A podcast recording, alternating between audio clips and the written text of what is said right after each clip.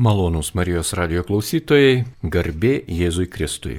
Tęsime laidų ciklą skirtą Dievo gailestingumo iškilmiai, kuri vyksta Vilniuje, gailestingumo mieste, švenčiant prisikėlimo iškilmes. Nuo šventų Velykų iki atvelykio, sekmadienio po Velykų, Vilniuje yra švenčiama Dievo gailestingumo atlaidų savaitė. Tai jau tapo tradicija, prie to Vilniečiai priprato. Na, o šiandien apie šį nuostabų tikėjimo kelią pamaldumą maloniai sutiko pasidalinti savo patirtimi Laurinas Būda iš Dievo gailestingumo bendruomenės, ateitininkas ir Vilniaus arkiviskupijos jaunimo centro darbuotojas, Kornelija Kačanovska iš Šventosios dvasios parapijos, abiturientė ir Donata Špokaitė taip pat Dievo gailestingumo šventovės bendruomenės narė bei Vilniaus arkiviskupijos bažnytinio teismo darbuotoja. Jos pakalbins Liutauras Serapinas. Dievo gailestingumas. Citata iš knygos Jėzau pasitikiu tavimi. O Dievo gailestingumo visagalybė. Nuodėmingo žmogaus išgelbėjime. Tu esi gailestingumas ir gailesčio jūra. Padedi tam, kuris tavęs nuolankiai prašo. Prieš laidą pasitarę nutarėme kalbėti tokia kryptimi, kuri vadinasi gailestingumas. Aplamai, teologiškai, asmeniškai, visuomeniškai, istoriškai ir kaip kitaip. Taigi sveikinuosi su gerbiamais šios radio laidos dalyviais - Laurynų, Kornelija ir Donata. Garbė Jėzui Kristui. Per amžių sam. Laurynai, Dievo gailestingumas jums kas tai? Čia ir norisi pradėti savotiškų liudijimų, kas man yra Dievo gailestingumas, nes e, tai man atrodo ateina per patirtį. Nes Dievo gailestingumas iki pirmojo kurso, e, pirmojo kurso pavasario man reiškia vieną, kai tai buvo kažkoks, nu, nepatirtas dalykas. Aš eidavau į gailestingumo šventovę beveik pusę metų, eidavau ten į patarnauti, eidavau į mišes beveik kasdieną, kažkas mane ten atvesdavo, bet niekada neatsakiau savo klausimą, kas man yra Dievo gailestingumas iki kol prieš dviejus metus, būtent Dievo gilestingumo sekmadienį, nusižudė mano mama. Ir būtent ta mamos žudybė, būtent ta netektis, kuri vainikavo gailestingumo savaitę, kuri nutiko gailestingumo sekmadienį, man turbūt ir yra pats didžiausias gailestingumo ženklas mano gyvenime. Ta ženklas, kuris leidžia suprasti, kad mano mama net ir pasirinkdama tokį kelią yra vis tiek apgauta gailestingojo Jėzaus malonė, priimta į dangų, nėra kažkokia atstumta ar panašiai. Ir Nes tikrai buvo daug įvairių minčių, nes kai ištinka savižudybė, kažkaip iš mūsų senovės tradicijos netgi buvo tokių skambučių vyresnių žmonių, kurie klausė, o tai kaip čia su mama bus, ar mama laidos kapinėse, o galbūt kaip seniau jie laidos už kapinių, ar bus mišios aukojimas bažnyčioje, nes kažkaip visada anksčiau tie žmonės, kurie pasirinkdavo tokį kelią, buvo nesuprasti, atstumti ir panašiai. Ir kai aš tai patyriau savo gyvenimo kailiu, kai ta savižudybė atsitiko taip šalia manęs, aš tada gal, galėjau pajusti tą Dievo galestingumą ir ką reiškia tas atpirkimas ir tas prieimimas. Jūs pradėjote tikrai taip radikalių tokių savo gyvenimo patyrimų ir apie gailestingumą, bet pats gailestingumas yra neįmanomas turbūt be, be Dievo įsikišimo. Taip, turbūt prašome iš Dievo, iš tėvo gailestingumo, prašome per Jėzų. Kaip visa tai vyksta jūsų mintise, jūsų patyrime, Laurinai? Tai galbūt tai mano patirime labai vyksta per gailestingąjį Jėzų ir per gailestingumo savaitę. Nes toje visoje istorijoje mano mamos netikties yra labai daug gailestingojo Jėzaus ir galbūt tokią mažą atkarpą papasakosiu. Tai kai buvau pirmajame kurse, Tai atsikraušius į Vilnių, Dievo galestingumo šventovė man tiesiog tapo pasiekiama ranka beveik kiekvieną dieną ir turiu pripažinti, kad nu, mažai tuo pasinaudojau. Į galestingumo šventovę užsukdavau beveik sek, nu, sekmaniais vakarais, dažniausiai, kai niekur kitur nespėdavau nueiti. Bet e, kelius mėnesius prieš mūsų žudybę kažkas netikėto nutiko manyje, kad pradėjau į šventovę eiti vis dažniau, pradėjau melsis galestingumo vainikėlį pradėjau beveik kasdieną klauptis prie gailestingojo Jėzus ir jaučiau, kad e, kad kažko prašau, jaučiau, kad pats gaunu iš gailestingumo malonės e, kažką neapsakomą ir kažkokia yra intencija ir man buvo labai sunku suprasti, kas vyksta, nes negalėjau nujausti, kas atsitiks po dviejų mėnesių ir mamos savižudybė buvo visiškai netikėta, bet e, dviejus mėnesius prieš savižudybę aš kasdieną eidamas į šventovę, taip pat nežinodamas ruošiausi tam, kad galėčiau priimti tą mamos savižudybę. Aš turbūt e, pats irgi turėjau parodyti savo gailestingumą, nesmergdamas savo mamos, priimdamas jos pasirinkimą, priimdamas jos polgį ir toliau ją mylėdamas, toliau besimelsdamas už ją ir tikrai atiduodamas jos amžinai gyvenimą į gailestingą Jėzaus rankas. Tai turbūt e, tas ir gailestingumo veikimas labai susijęs per gailestingą Jėzų, nes e, labai susijęs su tuo, kad būtent tai įvyko ir savaitę po Velykų, kai mes švenčiame tą atvilkį, kai yra Jėzaus prisikėlimo viltis ir Jėzaus prisikėlimo džiaugsmas. Ir net ir mamos žudybė man irgi labai kalba ne tik apie gailestingumą, bet ir tą prisikėlimą ir tą mūsų visų atpirkimą. Ar per šios metus, Laurinai, kažkas pasikeitė jūsų gyvenime? Įspūdingi metai, kaip jums tas laikas eina? Tai praėjo dviejai metai ir turbūt pasikeitė aibę dalykų, nes jaučiau, kad man, iš dalies tai man buvo labai didelis stimulas pažvelgti kitaip į savo gyvenimą ir priimti gyvenimą kaip dovaną kažkaip. Galbūt iš dalies tai man buvo stimulas ir kažkas spręsti gal ir vidinės problemas, eiti į dvasinį vadovavimą, kreiptis pas psichologus pagalbos ir kitų prieimimą, nes kažkaip turbūt pats esmingiausias žingsnis tai pradėjau suprasti, kas yra savižudybė. Kažkaip man atrodo, kad tai labai opi problema Lietuvoje, bet mes labai mažai apie tai kalbam, nes anksčiau aš pamatydamas statistikas, pamatydamas, nežinau, kad ten per metus 800 žmonių nusižudo, galvodavau, eina savo.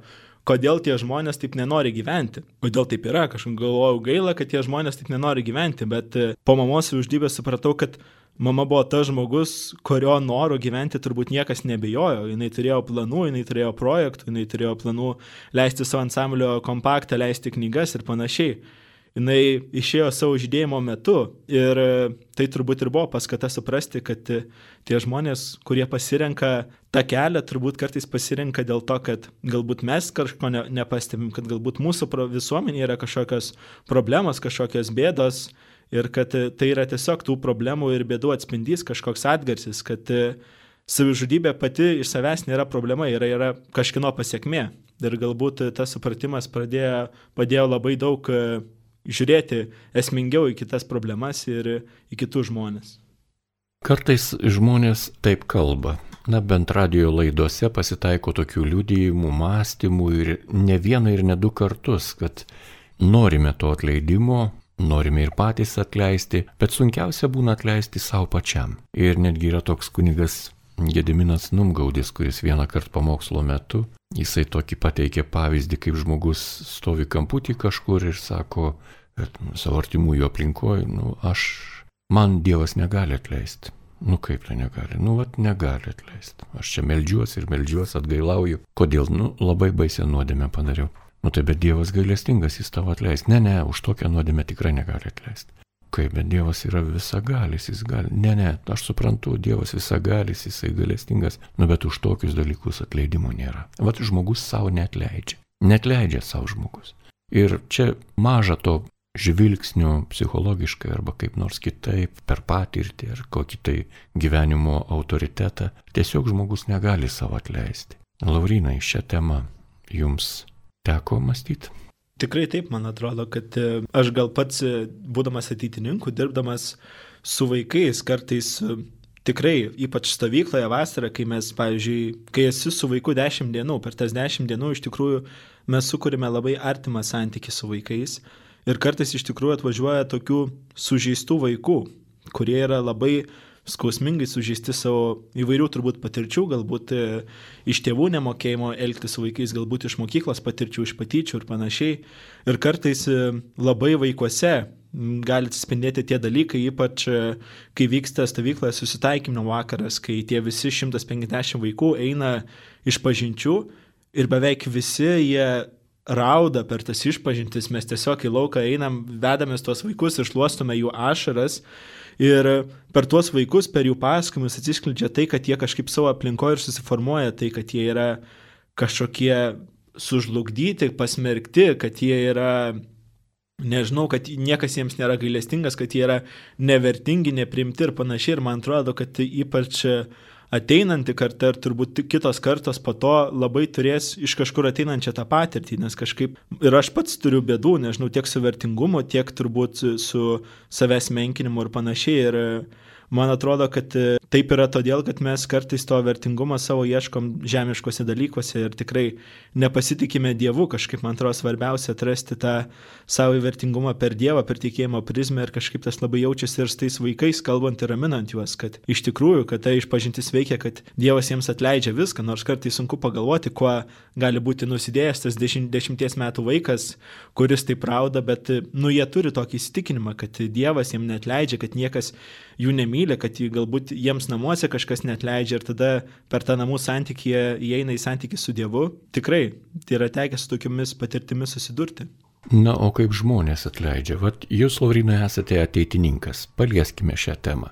Ateitininkų organizacija daugiau kaip šimtas metų dirba Lietuvoje, šalia bažnyčios, šalia valstybės statytojų ir ko kito. Ir mokymo programuose yra, dar man atrodo, net neišimtas iš vadovėlių toks ateitininkas Kostas Kubilinskas.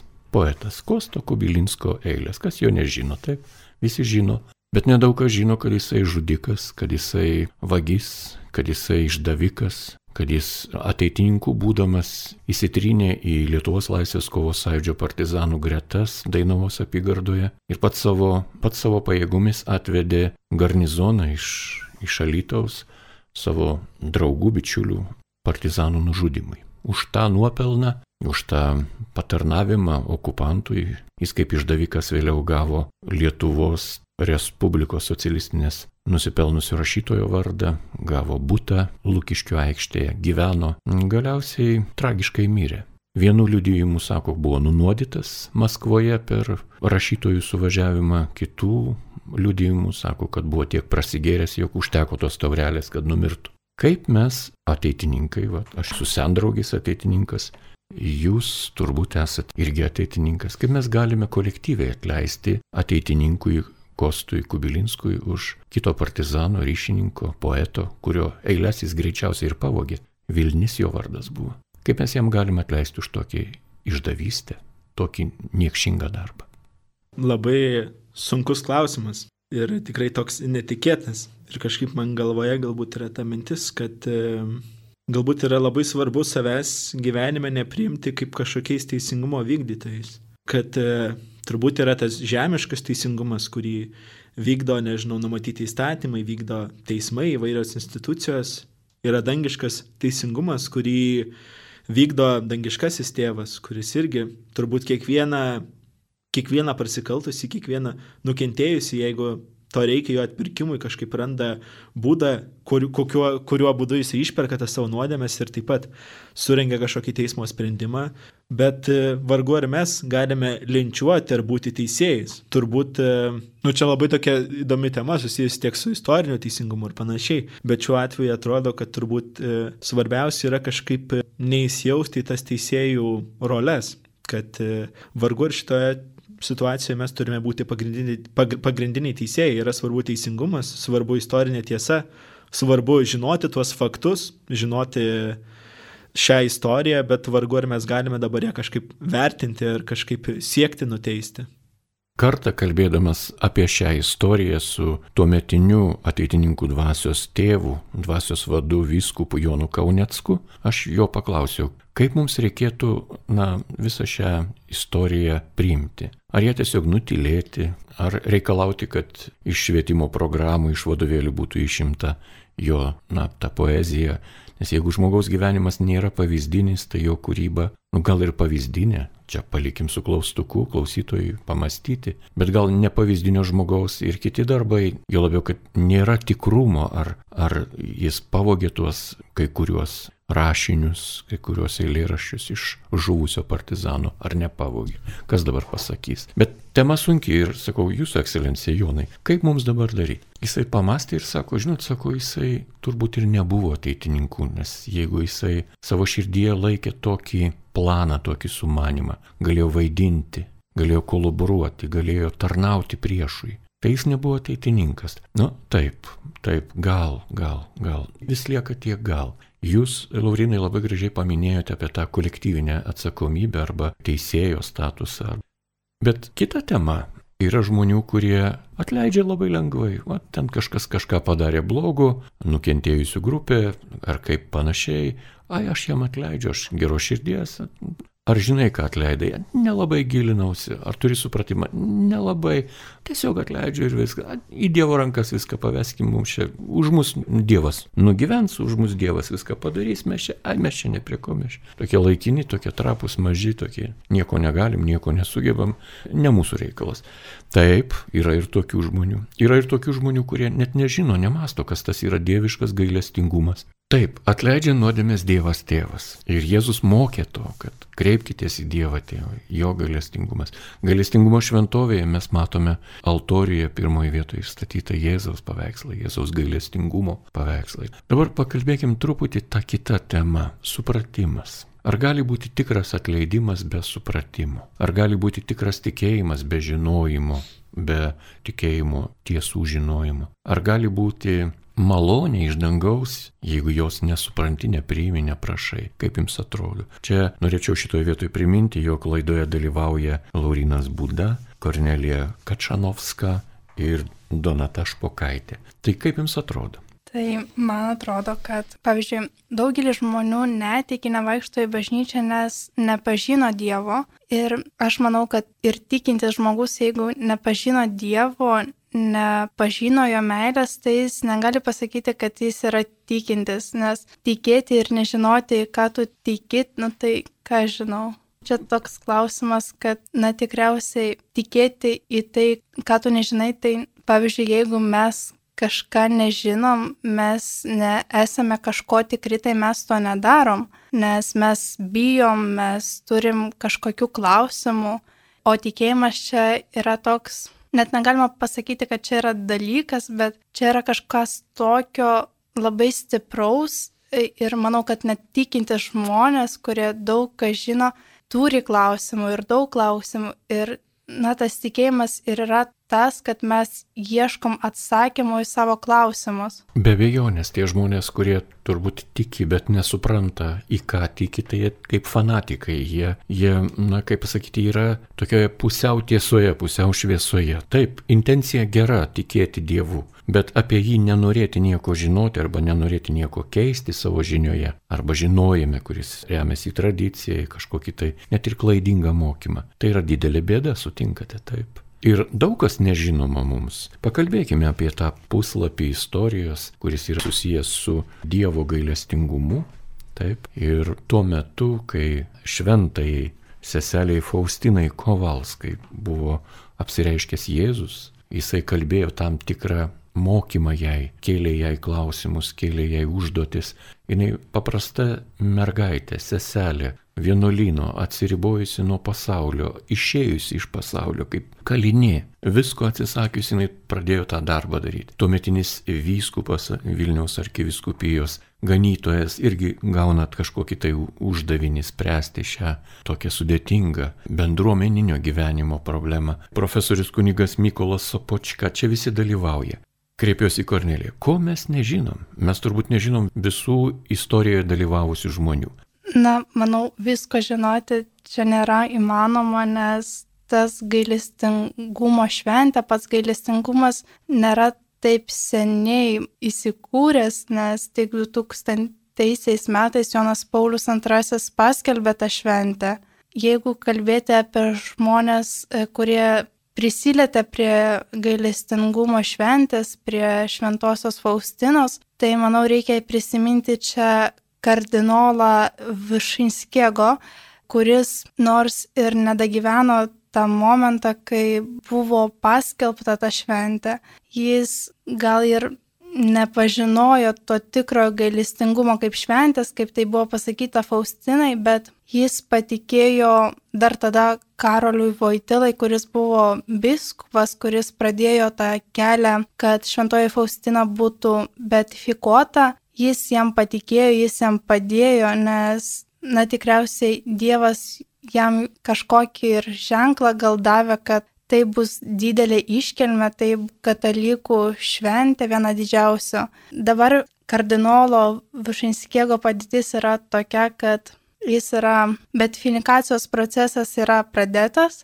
ir 2020 metais turėjo įvykti jo betinikacija Varšuvoje, bet dėja dėl karantino sąlygų jį buvo atidėta. Tai tikimės, kad šiais metais tai įvyks ir mes turėsim naują palaimintą, į kurį galėsim melstis apie Dievo gailestingumo iškilmę Vilniuje. Ir šioje laidoje dalyvauja Laurinas, Kornelija ir Donata. Dievo gailestingumas neįmanomas be atleidimo. Kreipiuosi į Jūs, jaunieji katalikai, kas yra Jums atleidimas, kaip Jūs jį suprantate, gal šalia atleidimo dar yra ir kažkoks atsiteisimas, atsilyginimas ar kažkas dar daugiau.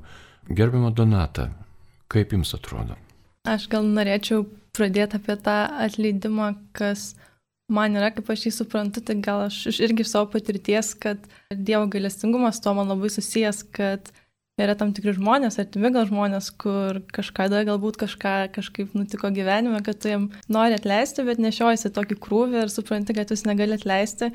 Ir galiausiai, kol supratau, po dešimt metų buvo vienas žmogus, kur supratau, kad va, įvyko Ir per tą dešimt metų buvo ne vienas kartas, kai galvojau, kad jau dabar tai jau tikrai atleidau. Pagal santykių su juo, tu supranti, kad nu dar nevyko tas atleidimas. Kaip aš supratau, kad įvyko tas atleidimas, tai kaip pamačiau, kad ir santykis mūsų tikrai pasikeitė, kad mes tokio didesniai meilį bendraujam ir kad geriau gal vienas kitą suprantam ir kad apskritai nebeliko gal baimės kažkokios tam žmogui. Tai aš suprantu tą atleidimą kaip malonę, kaip meilės malonę, kad ir išgydymo malonę. Ir tai susiję turbūt ir su santykėje su Dievu, bet ir su kitu žmogumi. Tai man atrodo, ir kaip Dievas tau duoda tą atleidimo malonę, kad tu pajūti, nebūtinai pajūti, bet supranti, kad tai vyko gydimas kažkoks tavyje. Kartais gauni malonę ir daugiau meilės pajausti, bet tas yra su kitais žmonėmis. Ir kalbant apie tą atiteisimą, Tai gal yra toks pažadas, kad jeigu man atleido, tai dabar aš irgi turiu eiti ir kitam atleisti. Ir jeigu man dovanoja meilę, tai aš irgi kitam turiu dovanoti meilę. Tai aš gal suprantu per tokį, mm, per meilę, kad dabar turiu eiti ir liudyti tą meilę. Toks atsiteisimas meilėje. Tęsėme pokalbį apie Dievo gailestingumą. Dievo gailestingumas nėra privatus dalykas. Negalime sakyti apie Dievo gailestingumą, kad tai yra būdinga tik Vilniaus miestui, nes jį taip kažkaip mes Vilniečiai jau jį vadiname gailestingumo miestu, bent jau katalikai. Negalėtume nusisavinti nei tikėjimo, nei Dievo, negalėtume nusisavinti ir kažkokių tai ypatingų pasiekimų katalikų bažnyčioje, mokymo srityje, socialinės rūpybos, globos, priežiūros, švietimo, doros, auklėjimo neįmanoma nusisavinti, bet kaip tikinti žmonės gailestingumą suprantam labai privačiai, labai asmeniškai. Asmeninis ryšys su Dievo gailestingumu. Kaip jūs jį patiriate ir ar galite apie tai kalbėti viešai Marijos radijui? Jeigu galite, kviečiame dalintis.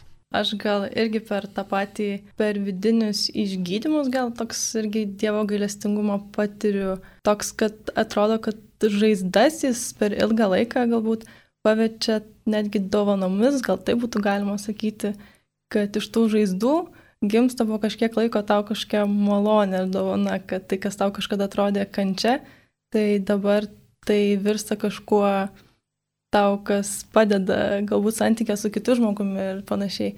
O taip pat ir apskritai man Dievo gailestingumas turbūt yra ir ta malonė, kad tikėjimo malonė. tai kai visą gyvenimą turbūt keičia. Ir apskritai irgi gal, kadangi aš irgi atėjau į tokį tikrą tikėjimą turbūt per e, artimo žmogaus netekti ir man irgi Dievo gailestingumas pirmiausia ir buvo tas susitikimas su juo asmeniškai, kai gavau tokį troškimą irgi ir gyventi. Ir tai buvo pirmas turbūt toks ir išpažinties, kad reikia nueiti. Tai ir apskritai su išpažintim gal toks yra dalykas, kad prieš išpažinti atrodo, kad aš jos labai nekenčiu ir kad to nekaip nenoriu eiti, bet po išpažinties aš ją žiauriai myliu. tai, tai, va, tai man išpažintis irgi yra labai dalis Dievo gailestingumas. Iš dalies tai Dievo gailestingumas man yra viltis ir viltis turbūt toje situacijoje, tai mamos savižudybėje, nes Nu, teko vėliau prisijungti prie vairių bendruomenių, kur galima daugiau sutikti žmonių, kurie išgyvena netiktas, ypač nusižudžiusių artimųjų. Ir teko sutikti žmonių, kurie neturėjo vilties, kad tas jų artimasis yra Dievo globoje, kurie buvo įtikėję tą kažkokią dar užsilikusią senų laikų nuomonę, kad tie žmonės, kurie pasirenka šį kelią, yra nugarmenti į pragarą, kurie ne, neverti galestingumo ar panašiai. Ir aš kartais pagalvoju, koks nu, kokia siaubinga žinia man būtų tai, kad jeigu tą rytą, kai mama nusižudė, aš būčiau pagalvojęs, kad ji eis į pragarą, kad ji nebus kartu su Dievu, kad ji nebus Dievo malonė. Tai gailestingumas man yra viltis ir kiekvieną kartą, būdamas gailestingo šventovėje, aš galiu per tai išgyventi tą viltį, turėdamas viltį, kad kažkada dar galėsiu tą amžinybėj susitikti su savo mama, kad amžinybė per maldą, per tą Jėzų per tiltą galiu kurti santykių su mama, kuri yra dabar danguje, tai man yra iš tikrųjų yra viltis. Ir kartu tas gailestingumas leidžia gal priimti kai kuriuos dalykus, nes e, po to, kai iškeliavo mama, aš kaip minėjau, pradėjau spręsti kai kurias savo vidinės problemas, lankytis pas psichologę ir panašiai. Ir nu, atsidūriau tada tokioje situacijoje, kad e, nu, supratau, kad e, tų problemų, su kuriomis dabar susiduriu šaknis, būtent yra mano vaikystė, kad tai atėjo iš mano tėčio, iš mano mamos, į santykių su jais, iš problemų, iš tėčio alkoholizmo ar panašiai. Ir e, tada, kai supratau, iš kur tai ateina, turėjau nuspręsti, kaip su tuo elgtis. Ar aš dabar turiu smerkti savo tėvus, kad mane jie taip augino, kad aš dabar turiu nevertingumą, kad turiu įvairių bėdų, kad dabar turiu kas savaitę eiti į konsultacijas pas psichologę. Ar aš galiu jiems atleisti. Ir turbūt e, per čia aš irgi galiu rodyti savo gailestingumą, aš kaip priimimas, priimti tai ir sugebėti atleisti, nes e, galbūt jie patys irgi nežinojo, ką kai kurie jų veiksmai gali iššaukti, kokias patirtis suformuoti. Tai man irgi tai yra gailestingumo liūdėjimas, tai tiesiog atleidimas e, ir kitiem, kurie galbūt mūsų gyvenimuose nėra mums patogus, kurie galbūt ne visada tikrai norėdami mums blogo padarom kai kuriuos dalykus ir panašiai.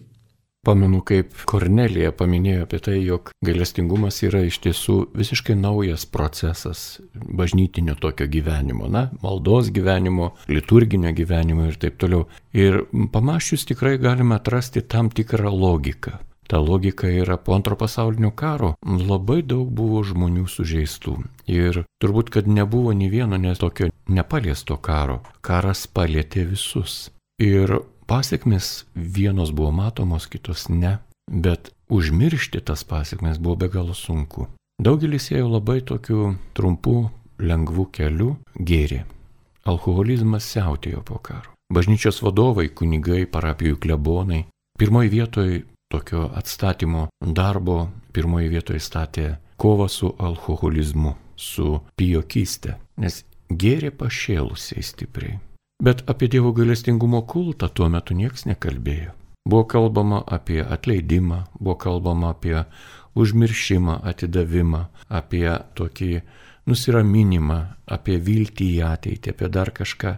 Ypatingai daug buvo kalbama apie girtavimą, apie svaiginimas ir ką kitą. Ir matome, kaip Dievas stato mūsų gyvenimą, kaip eina laikas. Dabar šalia mūsų gyvena ir tų pokario vaikų vaikų vaikai. Ir jie nešant savo pečių neša tas naštas kaip palikimą baisaus girtokliavimo arba kažkokio tai egoizmo. Na, dar viena tokia bėda po karo buvo vagystės. Vagiama buvo viskas. Tas sovietinis bolševizmas, jis atnešė tokią moralę netgi. Jeigu tu dirbi kolkyje ir gauni ten už dienos darbą 12 kapeikų, vos išeina ten alaus buteliui nusipirkti ir degtukų dėžutėje. Na ir dar primos cigarečių pakeliui. Tai tu pats savo įsivardini, kad nu, jeigu neužmoka, turiu teisę vokti. Ir vogė visi.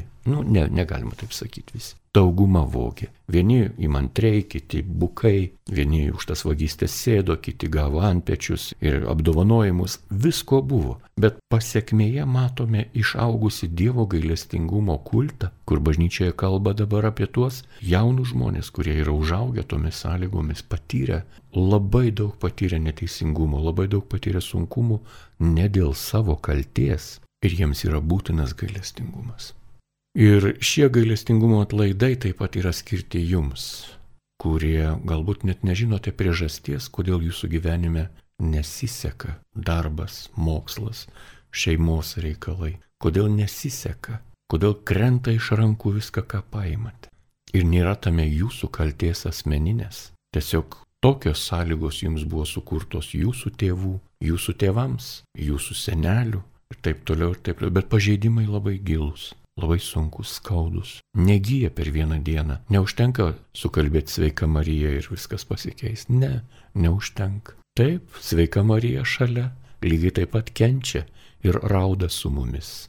Bet nevyksta taip greitai viskas. Na ir jeigu kalbėti apie Dievo gailestingumą tiems, kurie, na, galbūt pirmą kartą išgirdo, kad žmonės galbūt negailestingi, likimas negailestingas, mokytojai negailestingi, tėvai negailestingi. Ir visoji toj negailestingumo jūroje atsiranda kažkoks vienas Dievas gailestingas. Ar nejuokingai tai atrodo? Kaip jums atrodo? Galbūt e, tai atrodytų man juokingai, jeigu pats turbūt nebūčiau galėjęs pajusti, kaip tas vienas gailestingas Dievas, kaip tas gailestingas Jėzaus paveikslas gali mane pakelti, nes tikrai po tos e, mamos uždybės buvo labai daug skaudžių dienų, skaudžių patirčių, skaudžių naktų ir kažkaip uh, visada, kartais net išeidavau iš darbo, kartais vidury nakties nubudęs, kartais su ašarom ar drebančiam kojom, aš jau prie to gailestingojo Jėzaus paveikslo. Ir džiaugiausi, kad jisai yra atviras visą parą, kad galiu bet kada nueiti, ar ketvirtą ryto, ar septintą ryto, ar tiesiog išeidamas iš darbo pasiemęs triukį ir panašiai. Ir būtent ta viltis, kad gailestingasis Jėzus visada yra pasiruošęs mane priimti, kad visada galiu prieš jį priklaupti, man ir davė be galo daug. Tai jeigu tos vilties tai tikrai reikia, tai kviečiu pabandyti ir su visais sunkumais, su visais kryžiais viską, ką turime sunkiausia, atsitemti ir pabandyti su tuo būti prie gailestingojo Jėzaus kojų, su tuo, kas mums yra sunkiausia, su tuo, kas mums yra skaudžiausia. Galėčiau turbūt pritart labai Laurinui. Man irgi atrodo jokinga, jeigu nesmeninė patirtis, bet e, irgi labai panašiai iš tikrųjų. Būtent turėjau irgi ir panikos priepolių, ir nuolatinį nerimą, ir ta prasme visiškai eidavau prie gailestingo Jėzaus paveikslo, būdavau, adoruodavau švenčiausią sakramentą ir tikrai paėmė mano visas tas tuometinės e, būtent kančias. Mūsų širdis turbūt tokios bukos, kad mums būtinai reikia, kad pasiektų kažkokį tašką, kai jau tada reikia kažkur įsikabinti ir ieškoti. Ir man buvo toks iš pradžių gal racionalaus proto pasirinkimas, kai eidavau bažnyčią, bandydavau kalbėti su Dievu, bet man jis visiškai nekalbėjo, absoliučiai. Ir atrodo, ir prieš tai meldžiausi, ir jis manęs net neišklausė, ta prasme. Ir apskritai nesąmonė čia tas Dievas yra. Ir ap, apskritai skaičiau kamiu tuo metu, neatsimenu kurią knygą, ir kur visai nėra tikintis rašytojas. Ir tiesiog, važiavau autobusu ir pagalvojau, nu gerai, man dabar reikia rinktis, kaip aš gyvensiu toliau. Tai arba renkėsi viltį, atrodo, arba cinizmą, nes o kaip kitaip išgyventi. Tas pats Kamiu rašė, vis tiek gyventi reikia, kad ir nėra jame gyvenime prasmės. Ir kažkaip galvoju, nu gerai, man reikia pasirinkti. Ir galvoju, nu, renkuosi viltį. Ir ką aš tame supratau, kad Dievą, ir tada toliau buvau tokiam sausam, sausam santykyje, bet kol vieną dieną jis tiesiog mane prakalbėjo. Tai man atrodo, kad gali tai atrodyti juokinga, bet vis tiek, jeigu ieškai Dievo, tai vieną dieną jūs susitinkat, nes jis irgi visada tavęs ieško. Mano manimu, gailestingumą galima pavadinti kaip antrą šansą visam pasauliui. Vėl sugrįžti pas Dievą, vėl, vėl pasitikėti jo, vėl paprašyti jo malonės. Ir Dievas yra gailestingas ir jeigu tie visi negailestingi dalykai, apie kuriuos jūs sakėt, jie mums e, neduoda vilties, tai Jėzus, Dievas, gailestingumas mums duoda tą viltį, mums duoda tą, tą kitą šansą ir nesvarbu, kokią mes nuodėmę padarytum, Jėzus, Dievas mums duoda kitą šansą ir tų šansų yra begalybė, bet čia jau mūsų reikalas, ar mes pasinaudosim ar ne.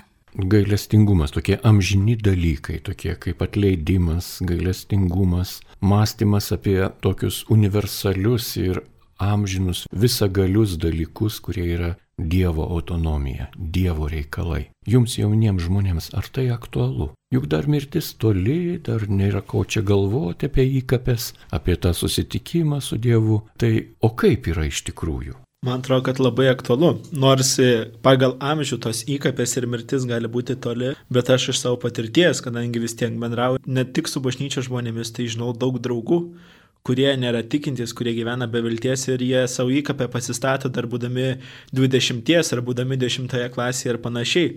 Tai man atrodo, gailestingumas kaip viltis yra svarbi visada. Jeigu tu nori iš tikrųjų atsiverti gyvenimui, jeigu tu nori kurti atvirą santykį ne tik su Dievu, bet ir su kitu žmogumi. Bent jau dabar man tai tikrai yra pamatinis gyvenimo dalykas. Ir jeigu nebūtų to gailestingumo, tai tada nežinau. Man atrodo, kad gyvenime būtų labai daug egoizmo, pykčio ir tikrai toks gyvenimas būtų tokių tuštybių kapas. Tai man atrodo, kad tas gailestingumas neleidžia tom tuštybėm atsiduoti. Kas yra smagu, tuštybės yra smagu, man atrodo, dabar ypač jauniems žmonėms tuštybės yra smagu ir juos kartais labai sunku įtikinti tuo gailestingumu ir jam gali atrodyti, kad to nereikia.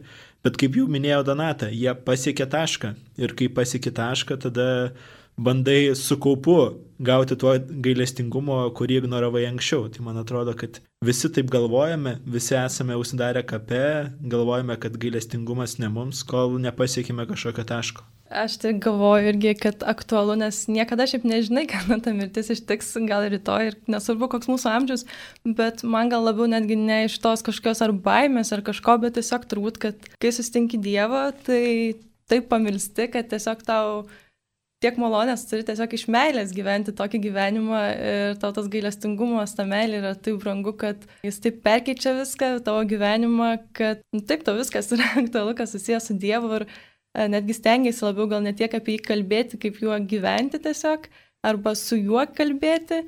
Taip, ta prasme, viltis ir apskritai, man atrodo, šių dienų labai gili problema yra žmonių vienišumas kur net atrodo, kad ir draugų turi ir taip toliau, bet kažkoks žmoguje yra giliai širdie toks giluminis vienišumas, toks gimiau vienas, mirsiu vienas, net tarp tikinčių žmonių tų pačių turbūt.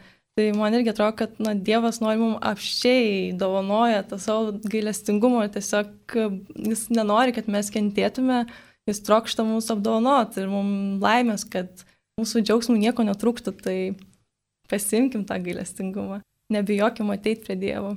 Jeigu kalbėti apie mirtį ir tai, kai tai reaguoja jaunus žmonės, tai manau, kad apie mirtį galvoja visi, nes čia toks dalykas, kad tu nežinai, kada jis pas tave ateis, kada pasibelsi tavo duris. Ir manau, kad mirties bijo daugiau tie žmonės, kurie netiki, kurie nežino, kas bus po to. Tikinti žmonės į mirtį žiūri daug paprasčiau, nes gyvenimas tai sapnas iš kurio mes visi kažkada pabūsime. Ir tik yra skirtumas tas, kad tikite žmonės, tiki, kad mes pabūsime, mes pamatysime Kristų ir mes džiaugsimės kartu su angelais.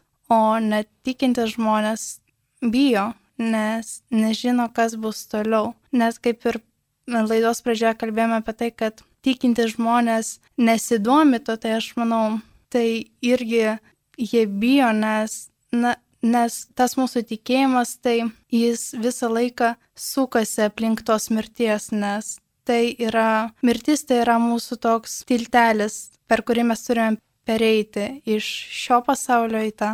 Tai pabaigai po vieną sakinuką tiesiog ką nors palinkėti šios savaitės atlaidų progoje, nepraleisti, nepamiršti ir ką kitą. Prašom.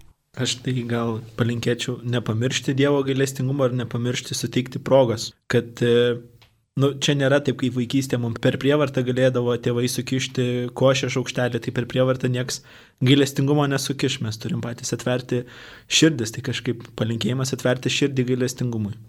Aš tai linkėčiau turbūt tiesiog nebijoti, nebijoti bandyti susitikti Dievą, su juo užmėgsti santyki, bent Jėzui kažką pasakyti, nežinau, labas, labas Jėzau, aš čia, o kur tu?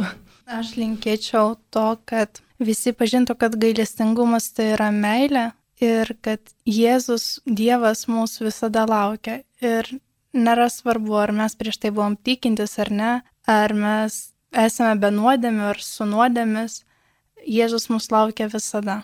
Dieve, tegul tavo meilė šviesa apšviečia mūsų tamsybės. Padaryk, kad šios sielos pažintų tave ir kartu su visai šlovintų tavo gailestingumą. Tai baigiame šią nuostabią laidą, kurioje dalyvavo jauni žmonės. Laurinas Buda iš Dievo gailestingumo šventovės bendruomenės, ateitininkas, Vilniaus arkiviskupijos jaunimo centro darbininkas ir darbuotojas, Kornelija Kačanovska, Šventosios dvasios parapijos narė, abiturientė ir Donata Špokaitė, Dievo gailestingumo šventovės bendruomenės narė bei Vilniaus arkiviskupijos bažnytinio teismo darbuotoja. Juos kalbino Liutauras Serapinas. Likite su Marijos radiju.